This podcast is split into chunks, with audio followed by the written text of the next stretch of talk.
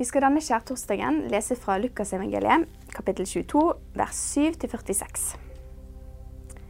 Så kom den dagen i det usyrede brøds høytid, da påskelammet skulle slaktes. Og han sendte Peter og Johannes av sted og sa, Gå og gjør i stand for oss, så vi kan ete påskelammet.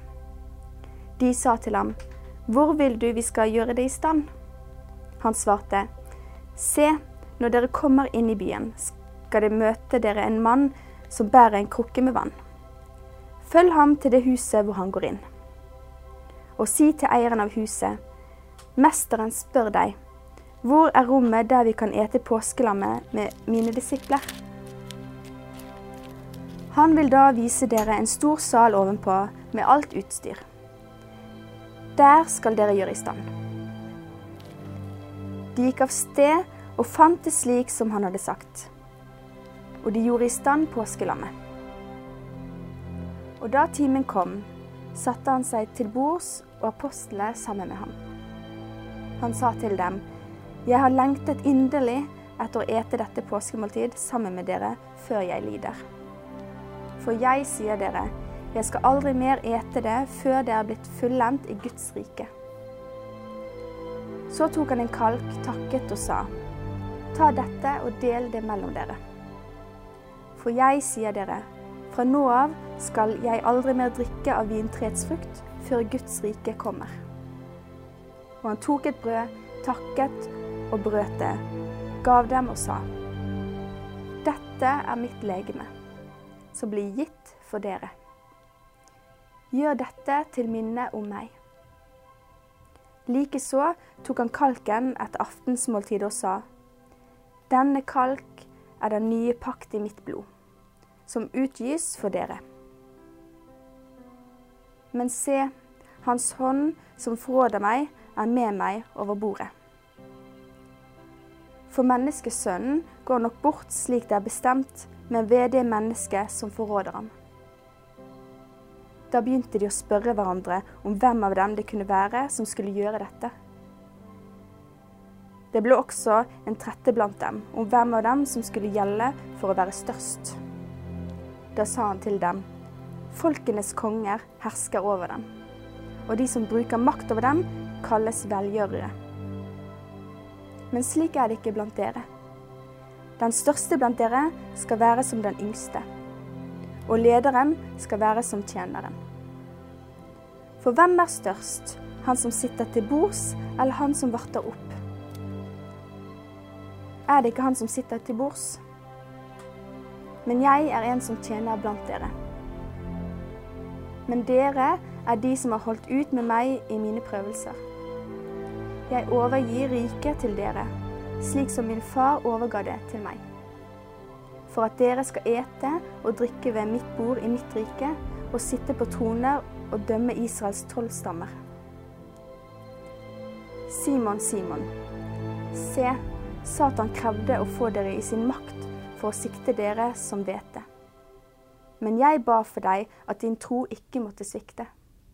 Og når du en gang omvender deg, så styrk dine brødre.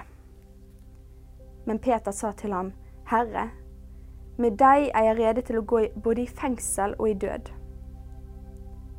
Da sa han, Jeg sier deg, Peter, han skal ikke gale i dag før du tre ganger har nektet at du kjenner meg. Og han sa til dem, da jeg sendte dere ut uten pung eller skreppe eller sko, manglet dere vel noe? De sa nei, ingenting. Han sa da til dem, men nå skal den som har pung, ta den med, og skreppe likeså, og den som ikke har sverd, får selge kappen sin og kjøpe seg ett. For jeg sier dere at det må oppfylles på meg dette som er skrevet. Han ble regnet blant overtredere. For det som er skrevet om meg, er til ende. Da sa de, Herre, se her er to sverd. Men han svarte dem, det er nok. Og han gikk ut og dro til Oljeberget som han pleide. Og disiplene fulgte med ham.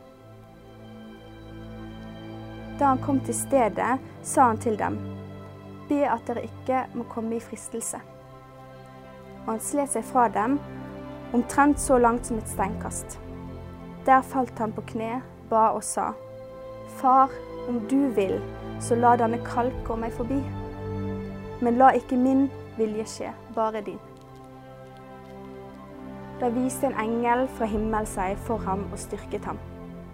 Og han kom i dødsangst og ba enda mer inntrengende, og svetten hans ble som bloddråper som falt ned på jorden. Så sto han opp fra bønnen og kom til sine disipler, og han fant dem sovende av bedrøvelse. Han sa til dem, Hvorfor sover dere? Stå opp og be om at dere ikke må komme i fristelse. Hva er det Jesus er redd for? Lukas beskriver en dødsangst der Jesus svetta blod. Men hvorfor var Jesus så redd? For døden? Han hadde jo tidligere vist at han var herre over døden med å vekke folk opp fra de døde. Jeg tror vi kan forstå hva Jesus frykter av bønnen han ber. Han er redd for dette begeret. Flere steder i Det gamle testamentet så møter vi uttrykket 'Guds vredes beger'. Guds dom og hans vrede beskrives som et beger med vin. I dette begeret så samles opp alt vi gjør i våre liv av det som er synd. Og dommen er at vi må ta straffen for det vi har gjort galt. Vi må drikke av dette begeret. Vi må møte Guds vrede. I Salme 75 står det Herren har et beger i hånden med skummende krydret vin. Han skjenker i av vinen, og alle urettferdige på jorden må drikke. Selv bunnfallet må de tømme. Men i Getsemane møter vi evangeliet. Jesus drikker dette begeret for oss. Han tar på seg vår straff, og han tar på seg alle synder. Hver eneste en.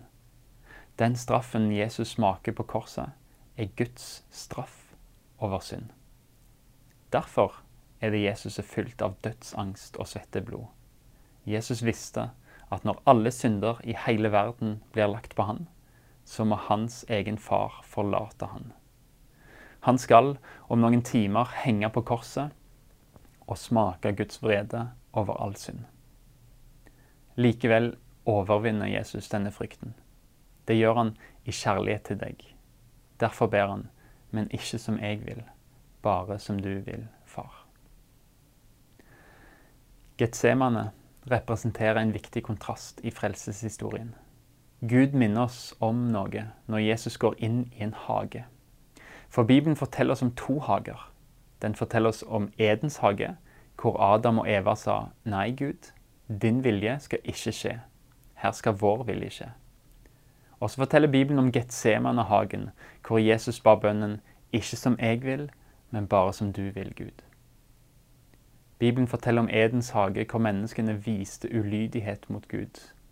Og de ble kasta ut av hagen som straff for sin synd. Og så forteller Bibelen om Getsemane-hagen, hvor Jesus var lydig mot Gud og gikk ut fra hagen for å dø for andre sine synder. Ikke som jeg vil, bare som du vil, far. Det er en bønn Jesus ber i kjærlighet til deg. Kanskje hender det at du kalles til å be den samme bønnen i kjærlighet til Jesus, eller til noen han elsker. La oss be. Kjære Jesus. Denne dagen er spekka full av din overstrømmende rike nåde. Du møter Guds vrede, som knuser din kropp, som utøser ditt blod.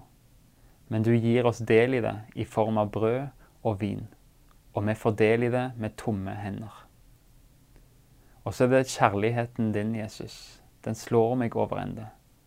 Du elsker disiplene dine til det siste. De som svikta deg, sovna fra deg, sprang fra deg og fornekta deg. Du elsker de fortsatt, og tålte fornedrelsen for deres skyld. For en kjærlighet du viser, Jesus. La meg aldri søke vekk fra den. La meg vise den til verden som du viser den til disiplene. La verden forstå at din kjærlighet er livsforvandlende ved å se på mitt liv. Amen.